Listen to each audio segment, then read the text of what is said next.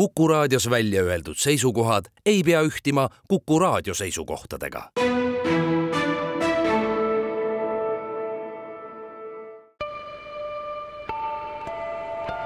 ilmaparandaja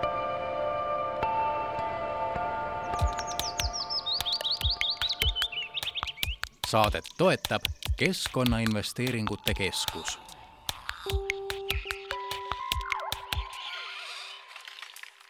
tere, head Kuku raadio kuulajad, kell on mõni minut kaks läbi, on laupäeva pärastlõuna, eetris on selle nädala ilmaparandaja saade, mina olen saatejuht Mart Valner tänases saates, saate teises osas just, räägime äh, sellest, missugune on üks hea loodusharidus ja kuidas oma äh, lapsi panna rohkem looduses käima ja kuulame ka natuke loodushääli. aga alustame seda saadet hoopis äh, sellest, et mis saab Euroopa roheleppest ja see ei ole selline kurja kuulutav küsimus, vaid lihtsalt, mis saab Euroopa roheleppest ja Euroopa järgnevatest rohelistest plaanidest. taustaks ütlen seda, et hiljuti Äh, sai selgeks, et Euroopa Komisjoni uueks roheleppe eest vastutavaks asepresidendiks saab Maroš Šefkovitš, ma loodan, et ma hääletan seda õigesti, äh, ja temaga koos äh, saab siis Äh, tule, asub siis kliimavolinikuks Wopke äh, Extra, äh, sellepärast et siiamaani kahte kohta täitnud Franz Timmermann läheb Hollandi peaministrikandidaadiks. mis siis täpselt saadi, kas midagi muutumus ka on, mul on hea meel, et minuga on täna Euroopa Komisjoni Eesti esinduse juht Viiven Loonele seda seletamas. Viiven, tere päevast kõigepealt! nii, nüüd selle kuu alguses, kui ma ei eksi, olid need valimised, mitte valimised, aga ütleme, Euroopa Parlament kinnitas, eks ole, uued Euroopa roheleppe juhid ära, intervjuu intervjuude käigus, eks ole, tekkisid, tekkis ka küsimusi ja ma alustangi kohe nendest küsimustest selles osas just, mis puudutas, ma loodan, ma jälle ütlen õigesti seda Vopke Hekstrat ja tema paranda mind, kui ma väga valesti hääldan. ma arvan, see on väga, väga, väga hea. et temaga äh, kunagist tööd naftaettevõttes Shell ja, ja, ja, ja, ja seda, et tema CV ei näita just erilise äh, kliimakangelasena. kui nüüd selline mm, fossiilkütuste tööstusest, tööstusest tulev inimene hakkab praegu Euroopa rohelepet juhtima, kas seal on üleüldse midagi, mida ta saab veel äh, nii-öelda sinna suunda muuta või kas me peaksime midagi sellist kartma? Ma arvan, kartma kindlasti ei pea, sellepärast et kus me oleme selle Euroopa roheleppega praeguseks, on see, et kõik olulised õigusaktid on juba heaks kiidetud. sellele on andnud oma nõusoleku nii liikmesriigid kui äh, Euroopa Parlament, vaatame kõik, mis olid selle eesmärk viiekümne viie raames esitatud, kuidas me äh, tõstame taastuvenergia osakaalu, mida me teeme äh, transpordisüsteemi rohestamiseks, need suured ettepanekud, need on kõik nüüdseks heaks kiidetud. nii et nüüd meil on jäänud Euroopa Parlamendi valimisteni natuke alla kaheksa kuud, Euroopa Parlamendi valimised on äh, juuni alguses ja selle aja jooksul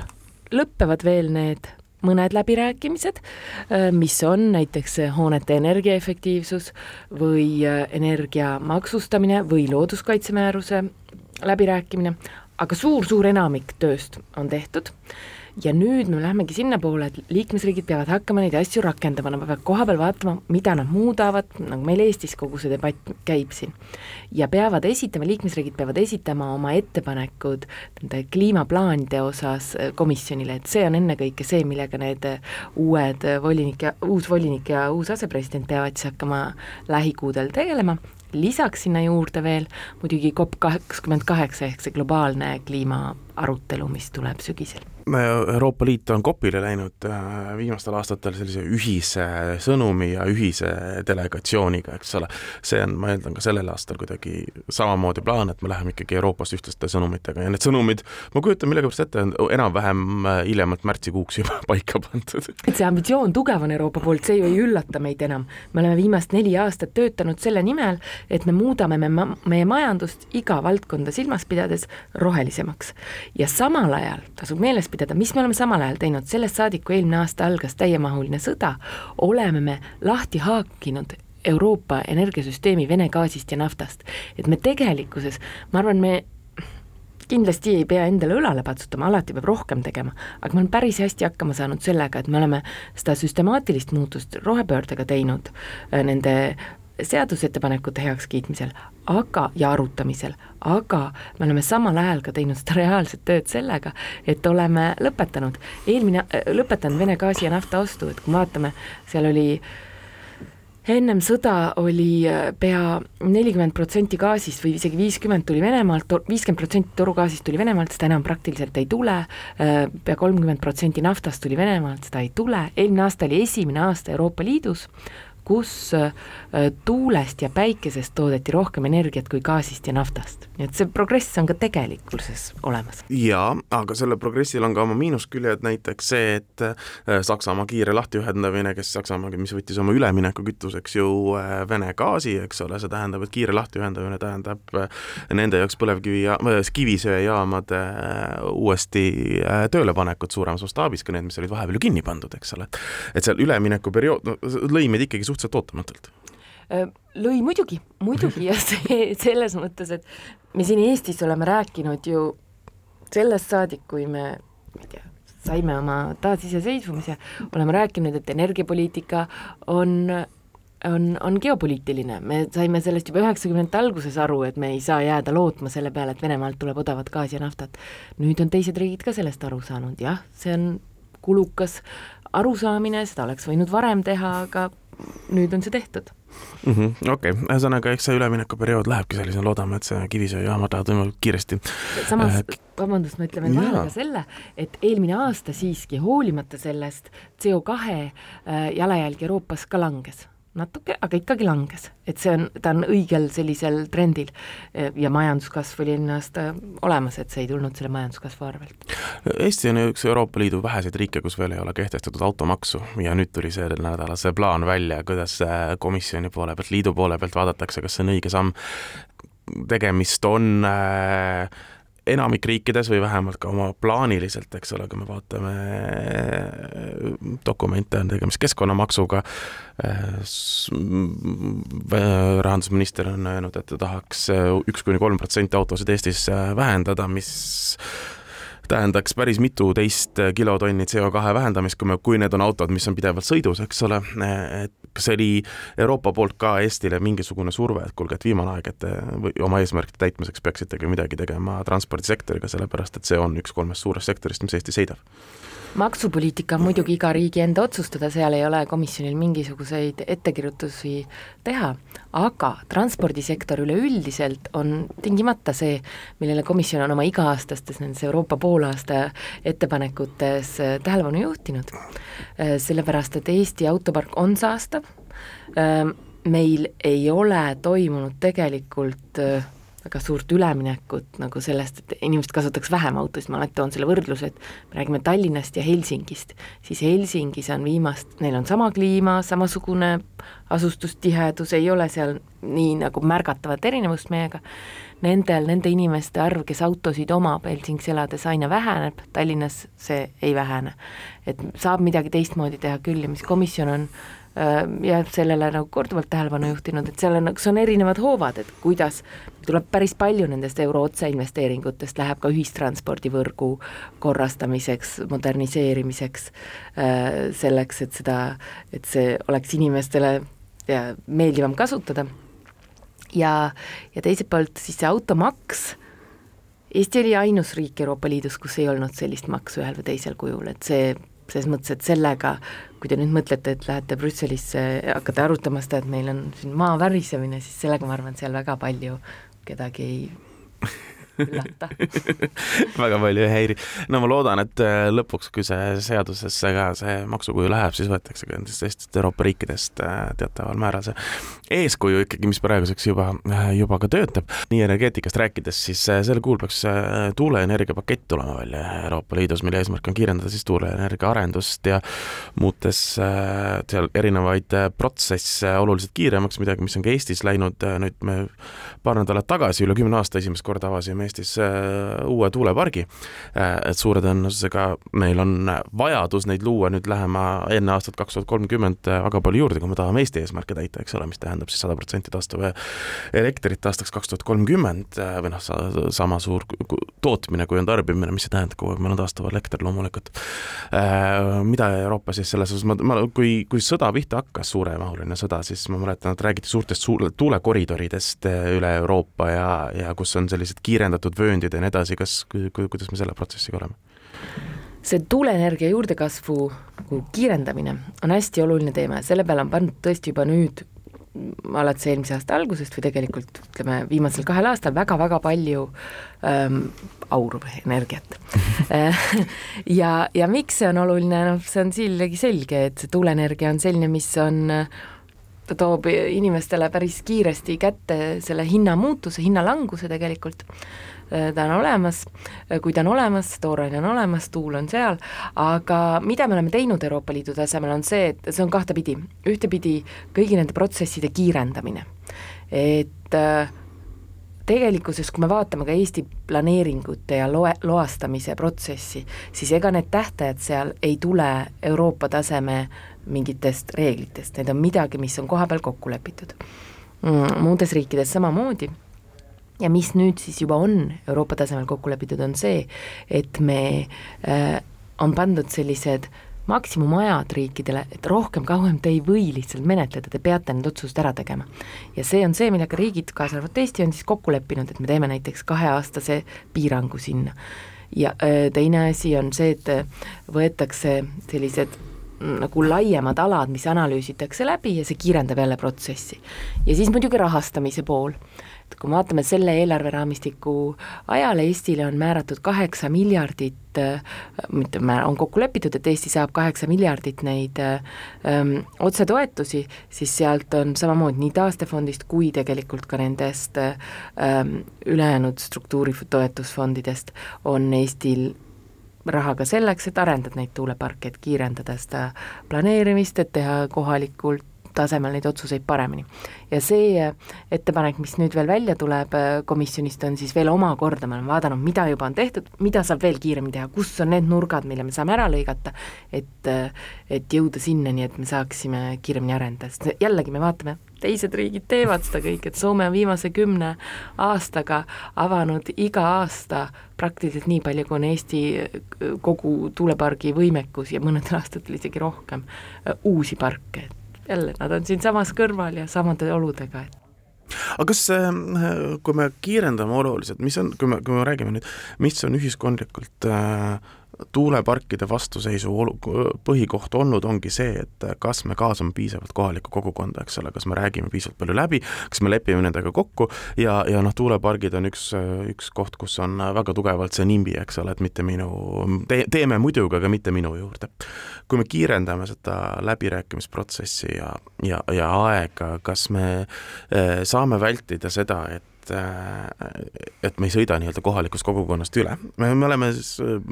umbes kuu aega tagasi, kui ma rääkisin Eestis äh, tuuleenergia arendajatega sedasama, sedasama murekohta, kes ütlesid, et noh, et saame hakkama küll, eks ole, aga, aga kuidas see Euroopa näide on praegu olnud, ma saan aru, et teistes riikides on need protsessid kiiremad kui meie oli ligi viis aastat kestev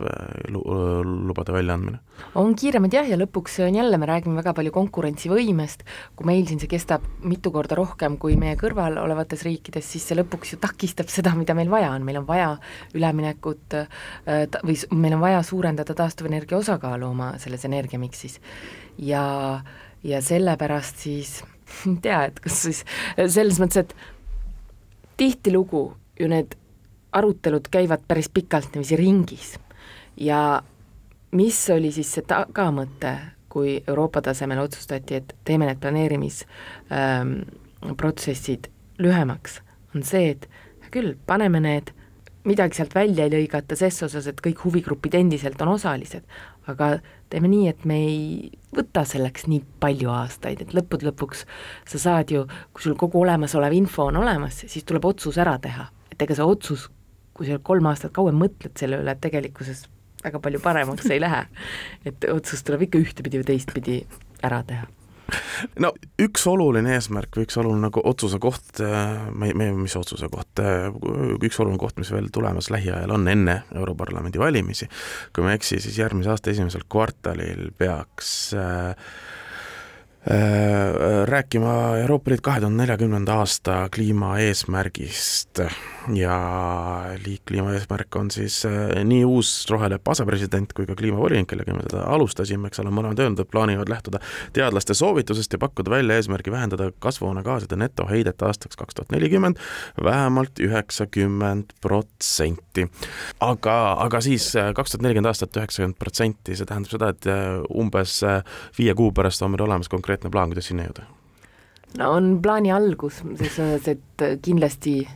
poliitiliselt siis tulevad valimised ja siis vaadatakse täpsemalt, need plaanid tulevad ikkagi uue komisjoni ajal, aga äh, loomulikult, ega me ei saa ju jääda, seda ma arvan, me oleme näinud nüüd kõik selle kliimatööga. et seda võimalust meil ei ole, et me istume käed rüpes ja mõtleme, et võib-olla need asjad arenevad. et jah, see ambitsioon peab säilima, me oleme kokku leppinud kahe tuhande kolmekümne aasta eesmärkides nii selles suures, et viiskümmend viis, isegi tegelikult viiskümmend seitse protsenti vähendada, sest me suurendasime seda eelmine aasta, kui nendes sektoriaalsetes valdkondlikes äh, ettepanekutes, meil on see kõik, plaan on väga täpselt olemas, et see ei ole mingi selline õhinapõhine äh, asi, nagu Eestis armastatakse öelda või ma ei tea, mõeldakse, et on, see ei ole, meil on väga hästi kalkuleeritud täpsed plaanid, mida tuleb teha aastaks kaks tuhat kolmkümmend, meil on see üldeesmärk kahe tuhande viiekümnendaks aastaks olemas, aga peame vaatama, et siis sealt edasi see kõver mingit jõnksu ei teeks, vaid läheks otse sinna, äh, sinnapoole, et meil oleks reaalne sa-, saavutada see kliimaneutraalsus aastaks kaks tuhat viiskümmend, nagu meie äh, kõik eelmised valitsused juba aastast kaks tuhat üheksateist on, on sellega nõus olnud. ja komisjoni poolt siis tulevad järgmine aasta välja need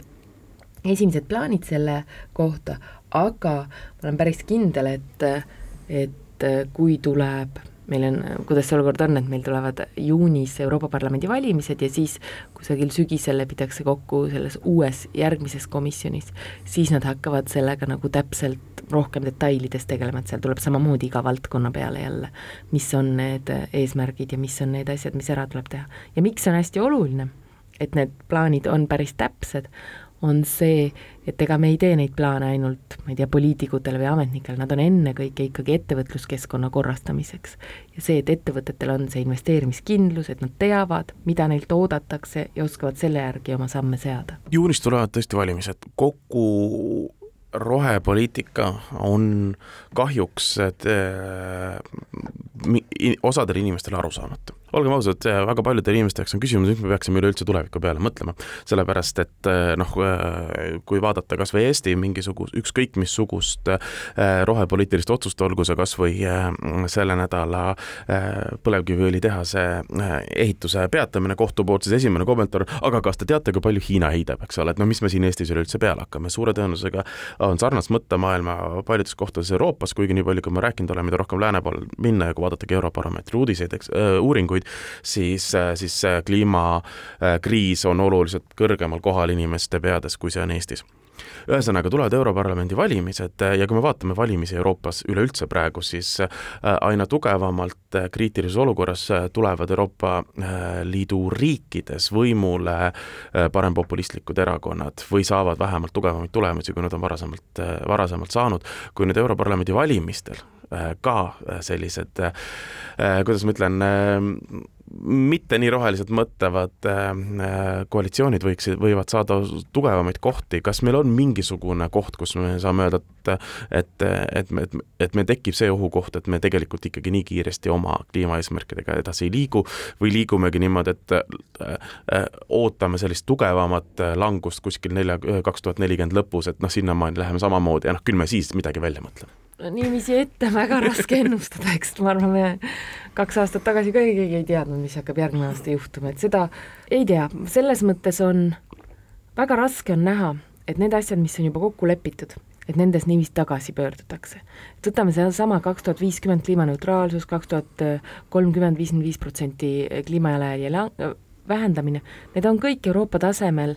ka seadusesse pandud, meil on see Euroopa kliimaseadus, need kohustused on liikmesriikidele võetud, liikmesriigid saadavad oma neid kliimaraporteid ja tegelikult kõik toimetavad ühel moel või teisel sellega, et sinna jõuda, sest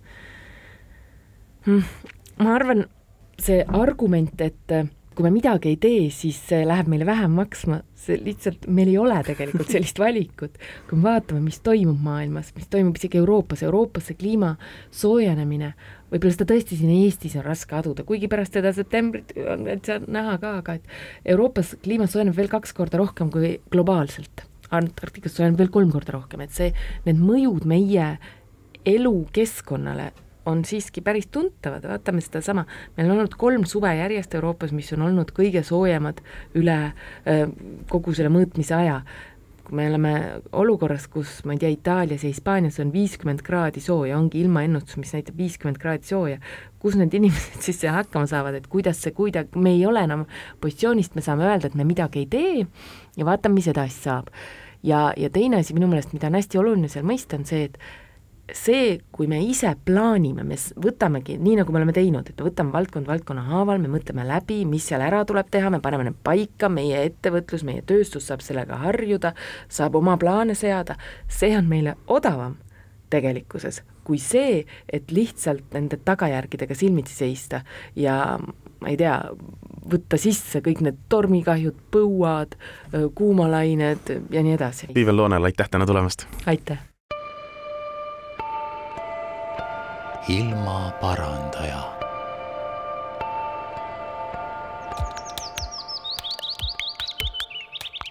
saadet toetab Keskkonnainvesteeringute Keskus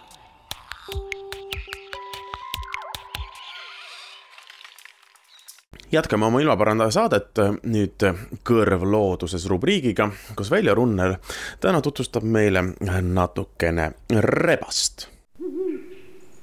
kõrv loodusesse. täna jätkan ma linnaloomade lugudega ja lähen rebase juurde. rebast tunnevad kõik või on vähemalt teda näinud korra või paar elus kindlasti. rebane on Euroopas kõikjal esinev liik, talle sobib nii Vahemere kliima kui ka arktilised tundrad. tegelikult on ta levinud peaaegu kogu põhjapoolkeral, kaasa arvatud Põhja-Ameerika. ja ma usun, et onu Reemuse lugudest mäletatakse samuti rebase onu tegelaskuju ja see oligi ju Ameerika Ühendriikidest pärit jutuseeria. Austraalias on rebane kanda kinnitanud alles hiljuti, inimese poolt sisse tooduna, aga ka seal on ta juba päris levinud loom. rebast nimetatakse ka punarebaseks, sest tunda ja teada on ka teisi rebaseliike, näiteks Arktikas elav polaarrebane või Sahara kõrbete piirkonnas elav fennek punarebasele meeldivad mosaiiksed maastikud ja inimese tegevus on selliseid maastikke pigem juurde tekitanud kui kaotanud. seega võiks rebasel päris hästi minna.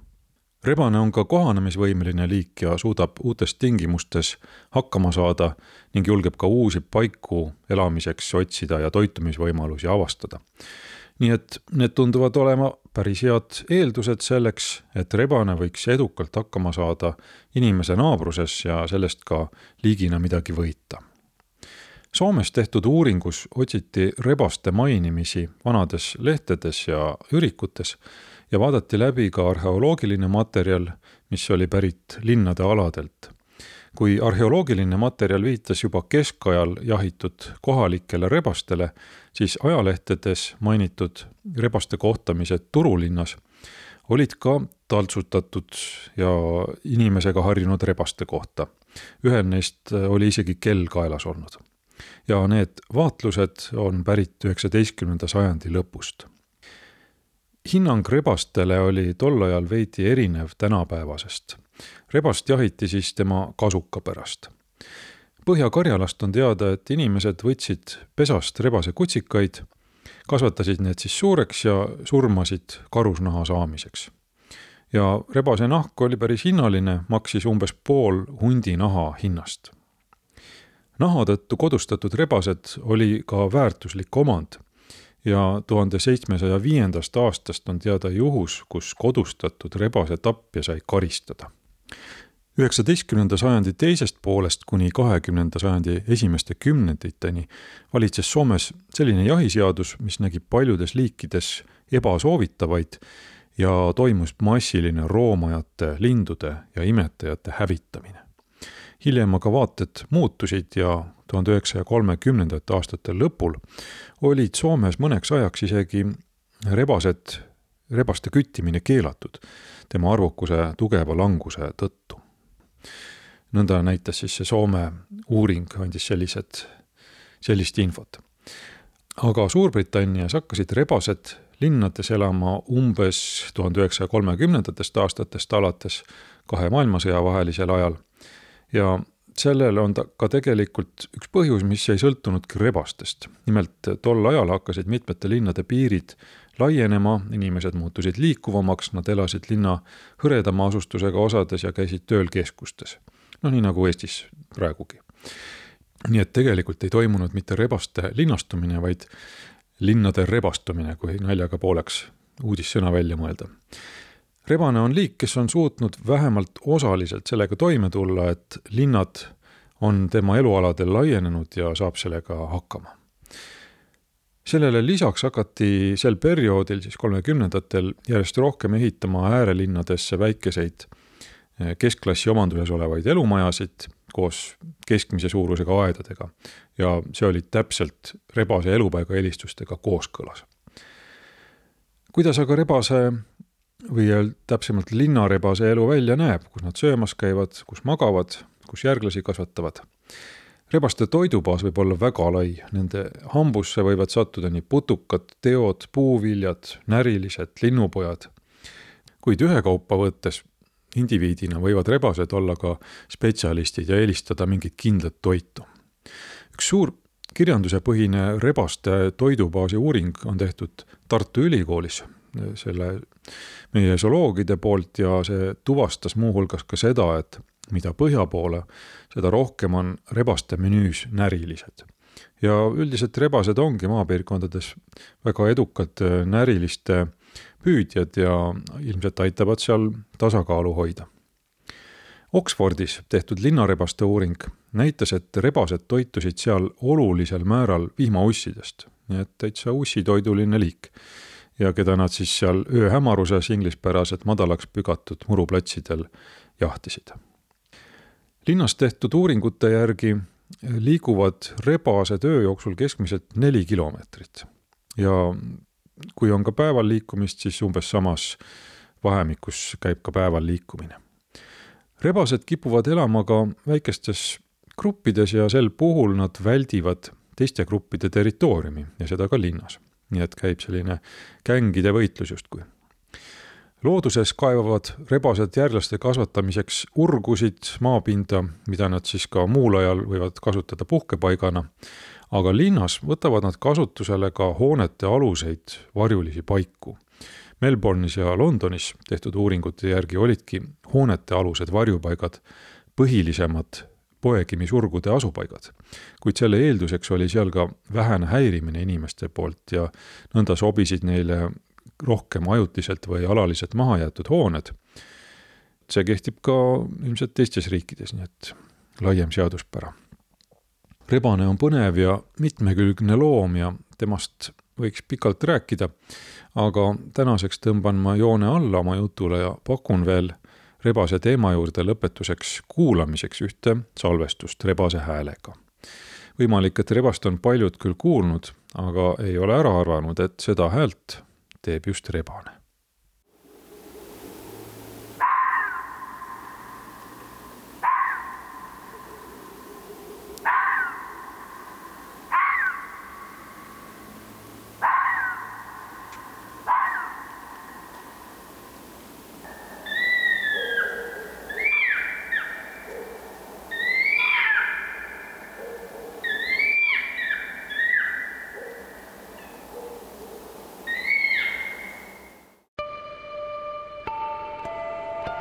Ilmaparandaja.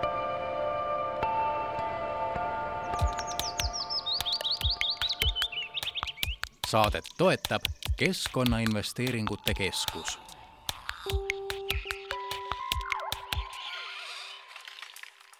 ilmaparandaja saade jätkub Rukk Rocki Räägu taskuhäälingu jupiga, mida me ikka kord kuus teieni toome. seekordne Rukki Rääk sai salvestatud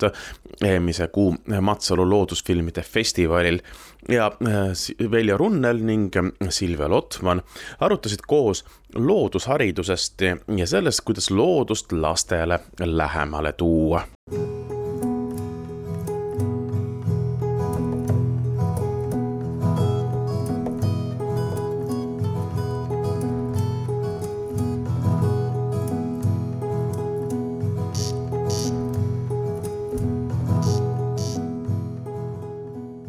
eile õhtu mõtlesin äh, sügavalt selle üle järgi, et mul olid uinumiseelsed mõtted olid, käisid ka just selle loodushariduse olemuse peal ja, või hariduse peal üldse, et ja, ja tegelikult milleni ma enne uinumist veel jõudsin tõdemuseni, et, et mulle tundub, et on sellist kolm erinevat taset või lähenemist äh, loodusharidusele, üks on see, et, et ühiskond ise korraldab haridust ja see, see justkui toimub kuskil kaugel kellegi reeglite järgi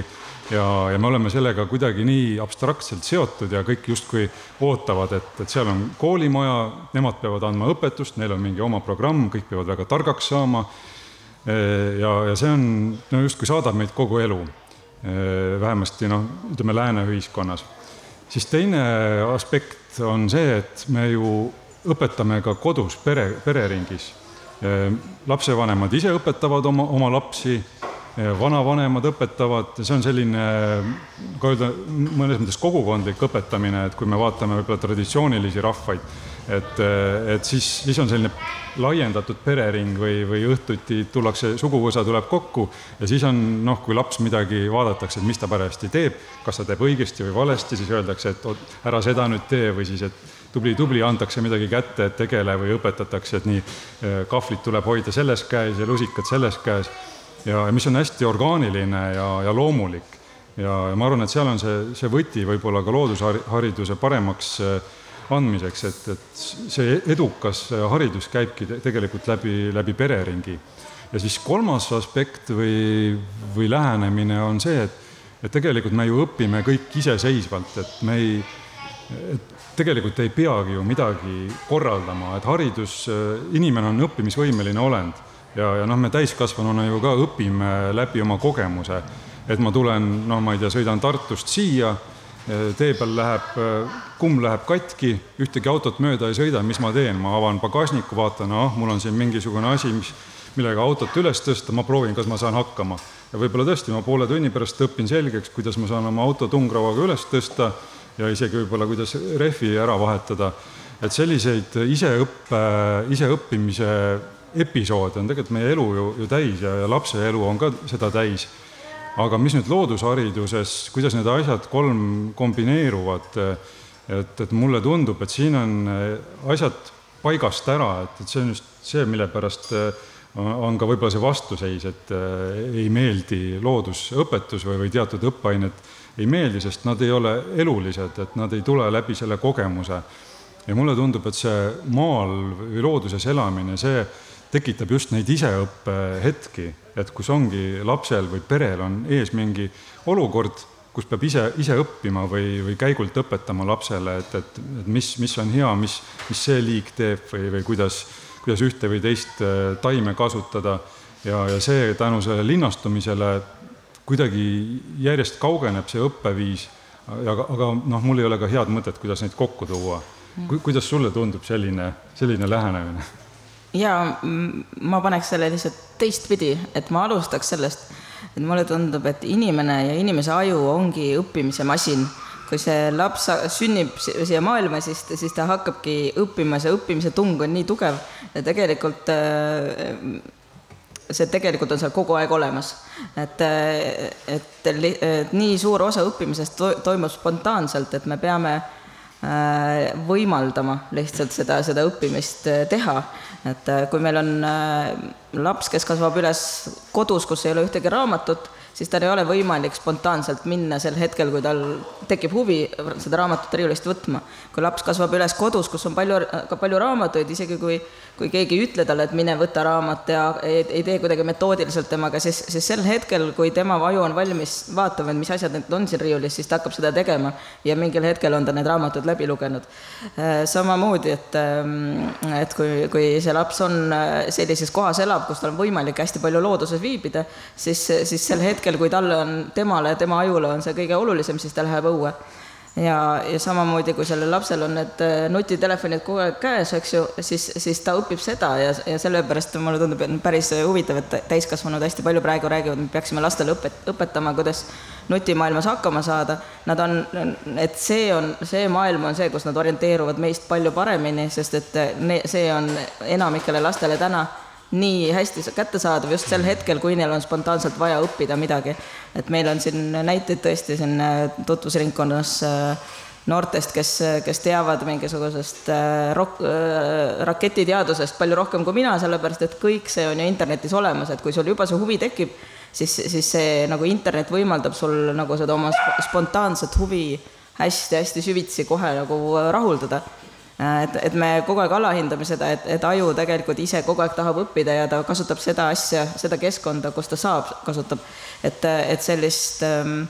Äh, ja mis meil, mis meil täna selgelt on, on puudus, ongi see, et äh, et sellest võimalusest spontaanselt looduses olla, et, et kui me tekitame selliseid olukordi, et mingi klassiekskursioon läheb bussiga kuhugi midagi vaatama,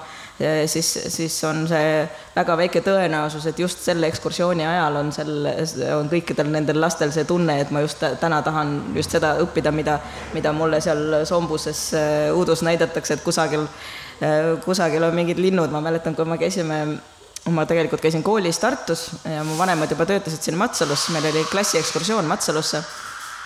Ja pärast minu klassikaaslaste põhiemotsioon oli see, et et nad ütlesid, et, et, et nende jaoks oli hästi naljakas see, et nad sõitsid, me sõitsime bussiga ja minu ema oli giid ja siis äh, kui ta, kui ta nägi äh, tutka mängu, mina, mina teadsin, et see on tutka mäng ja ema nagu väga erutas, ütles oo lapsed, vaadake, siis, siis põhiliselt minu klassikaaslastele jäi meelde see, kui naljakalt mu ema käitus. Et, et mitte see, et, et, et, et, et sel hetkel need teismeliste jaoks on nagu teiste inimeste käitumine huvitav, mitte see, et, et mis seal udu sees need linnud kusagil kaugel teevad. aga kui sa, et, et, et me peaks võib-olla rohkem võimaldama sellist lihtsalt looduses olemist, sellepärast mul on selline tunne olnud, ma lähen korraks jälle tagasi selle loodusõpetuse tunni juurde, et võib-olla me peaks mõned loodusõpetuse tunnid üldse nagu ära jätma, talvised klassitunnid, ja tegemagi ühe sügisese ja ühe kevadise nädal aega looduslaagri äh, iga, igale klassile, et, et kus on, kus on sellist asja, et, et jah, sa seal midagi õpid, aga äh, nagu midagi, mingi asi on seal metoodiliselt midagi nagu, mida tehakse, mingeid taimi õpitakse, mingisuguste konnade anatoomiat seal joonistatakse, aga mingi aeg on see, et sa lihtsalt oled telgis oma sõpradega, lihtsalt jalutad ringi ja sul tekib see selline spontaanne asi, et, et me lähme nüüd katsume, kui külm see meri on või see porilomp, kui, kui, kui libe ta on. Et, ähm, et kui sa siin alguses mainisid äh, Metsküla kooli, et Metsküla koolil on näiteks igal kevadel ongi nädal aega Kukeranna laager, kus terve koolipere ongi telkides Kukerannas. Äh, nad teevad seal oma tunde, oma kehalise kasvatuse tunde, oma kunstitunde, kõik õpilased õpivad ära selle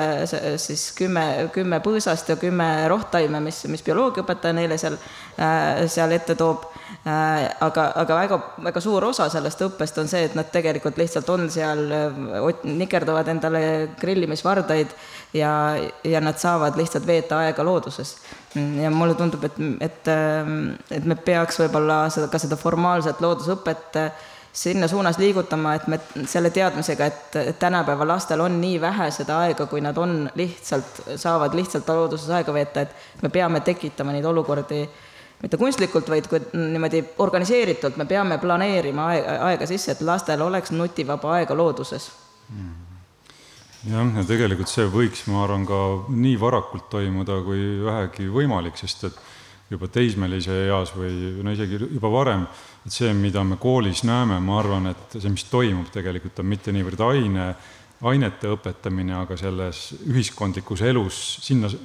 sobindumise õpetamine või sobitumise õpetamine, et kuidas järgida reegleid, kuidas suhelda inimestega, kus need piirid jooksevad, mis sul on lubatud, mis mitte, kuidas autoriteetsele inimesele alluda. et tegelikult ma arvan, et me näeme aineõpetuse või kooli elu raames tegelikult sellist inimese normidesse sissejuhatamist et selles mõttes, mida varem eh, looduse juurde viia, ma arvan küll, et siis ei ole veel see normide õpe nii eh, noh, nii aktuaalne, et siis on just see võimalus algklassides eh, saada selle, seda loomulikku uudishimu rahuldada ja, ja see on veel rohkem avatud, et ei, ei ole niivõrd noh, rõhk nendel rollidel ja, ja sellel hierarhial, mis paratamatult ühiskonnas hiljem hakkab tulema jaa, et ähm, teismelised on veel omaette, eks ju, selline äh, ooper, et, et see, et me, mulle tundub ka, et meie koolisüsteem ei arvesta sellega, et et teismelisel lihtsalt on bioloogiliselt hoopis te, teine hetk elus, et tema jaoks on väga oluline, mis suhted tema jaoks, tema nüüd oma elus üles ehitab. ja me ähm,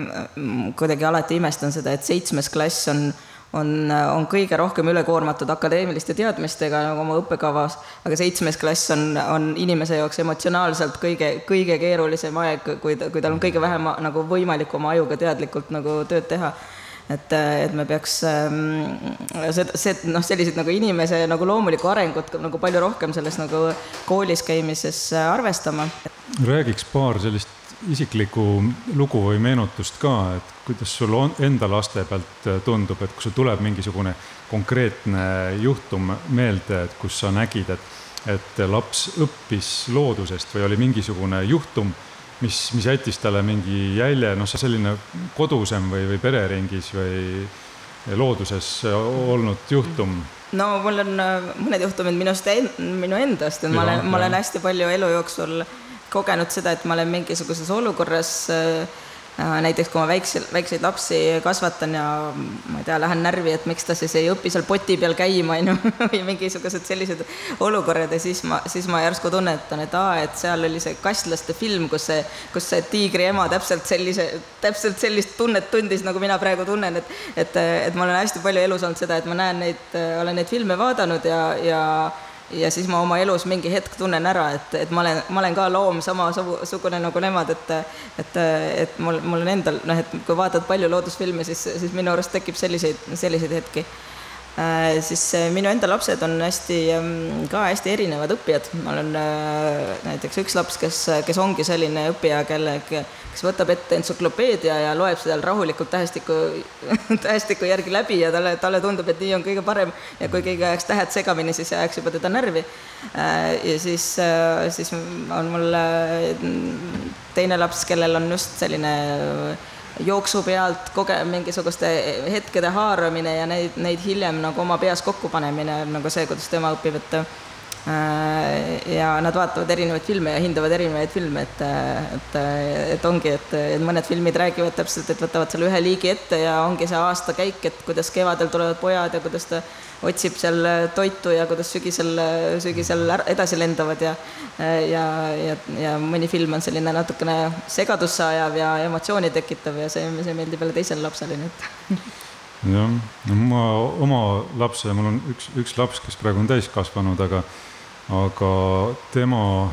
lapsepõlvest meenub äh, üks lemmikloomaga lugu. no ma üldiselt arvan, et lemmiklooma pidamine on selline nii ja naa, et äh, et seal see võib minna noh, teatud piiridest üle ja, ja looma, looma piinamiseni või looma heaolu küsimusteni, aga üldiselt ma arvan, et kodus peetavad loomad või noh, kui sa maal elad, siis need nii-öelda päris koduloomad, et nende lähedus tegelikult annab nii palju õppimisvõimalusi. Ja, ja minul oli, meil oli konkreetselt, oli üks rott, noorena võetud ja ta oli väga sõbralik ja usaldav ja ja taltsas ja, ja tegelikult noh, ma arvan, et tänu sellele, et mu laps kasvas koduloomadega ülesse või selliste lemmikloomadega, et ta õppis niivõrd palju nende käitumisest, kuidas, kuidas suhelda, noh, ka lihtsalt võib-olla üleüldist sellist suhtlemisoskust ja et kuna ta oli ainuke laps ka. Et aga oli üks juhtum, kus rott, kuigi ta oli maru taltsas ja, ja tore ja hammustas teda sõrmest, nii et sõrmest veri, veri voolas et see hetk kindlasti õpetas lapsele, et äh, okei okay,, et ta võib sul olla nii sõbralik ja tore kui tahes, on teatud olukorrad, kus sa võid tema pigistamisega minna üle piiri. ja noh, rott on väikene loom, et ta ei saa sõrme otsast ära hammustada, aga eile kuskilt Youtube'ist ma nägin mingit, äh, mingit videot, kus oli mees endale jõehobu lemmikloomaks äh, võtnud ja, ja ka usaldas teda ja mängisid ja, ja see lõppes sellega, et mees sattus oma lemmiklooma ohvriks ja sai, sai hukka, nii et ehm, noh, tasub võtta lapsele mõni väiksem lemmikloom. see on seesama Laanetaguse suve äh, filmi äh, asi, et, et, et hea on, kui sa roti peal selle kogemuse kätte saad, mitte ei kasvata hunte üles ja siis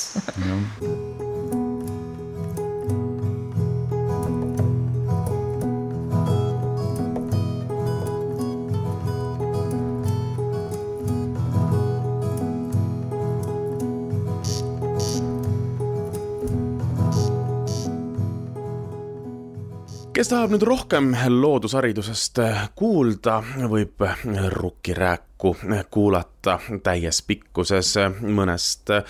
taskuhäälinguid edastavast kanalist, aga ilmaparandaja ise tänaseks lõpetab. loodan, et teil oli sedasama põnev kuulata, kui minul seda teha ja kokku panna ja ilmaparandaja ise on jälle eetris natuke vähem kui nädala aja pärast, aga ärge unustage selle nädala jooksul ka enda ümber ringi vaadata, et leida viise, kuidas ilma parandada. saatejuht oli täna Mart Valner. Ilmaparandaja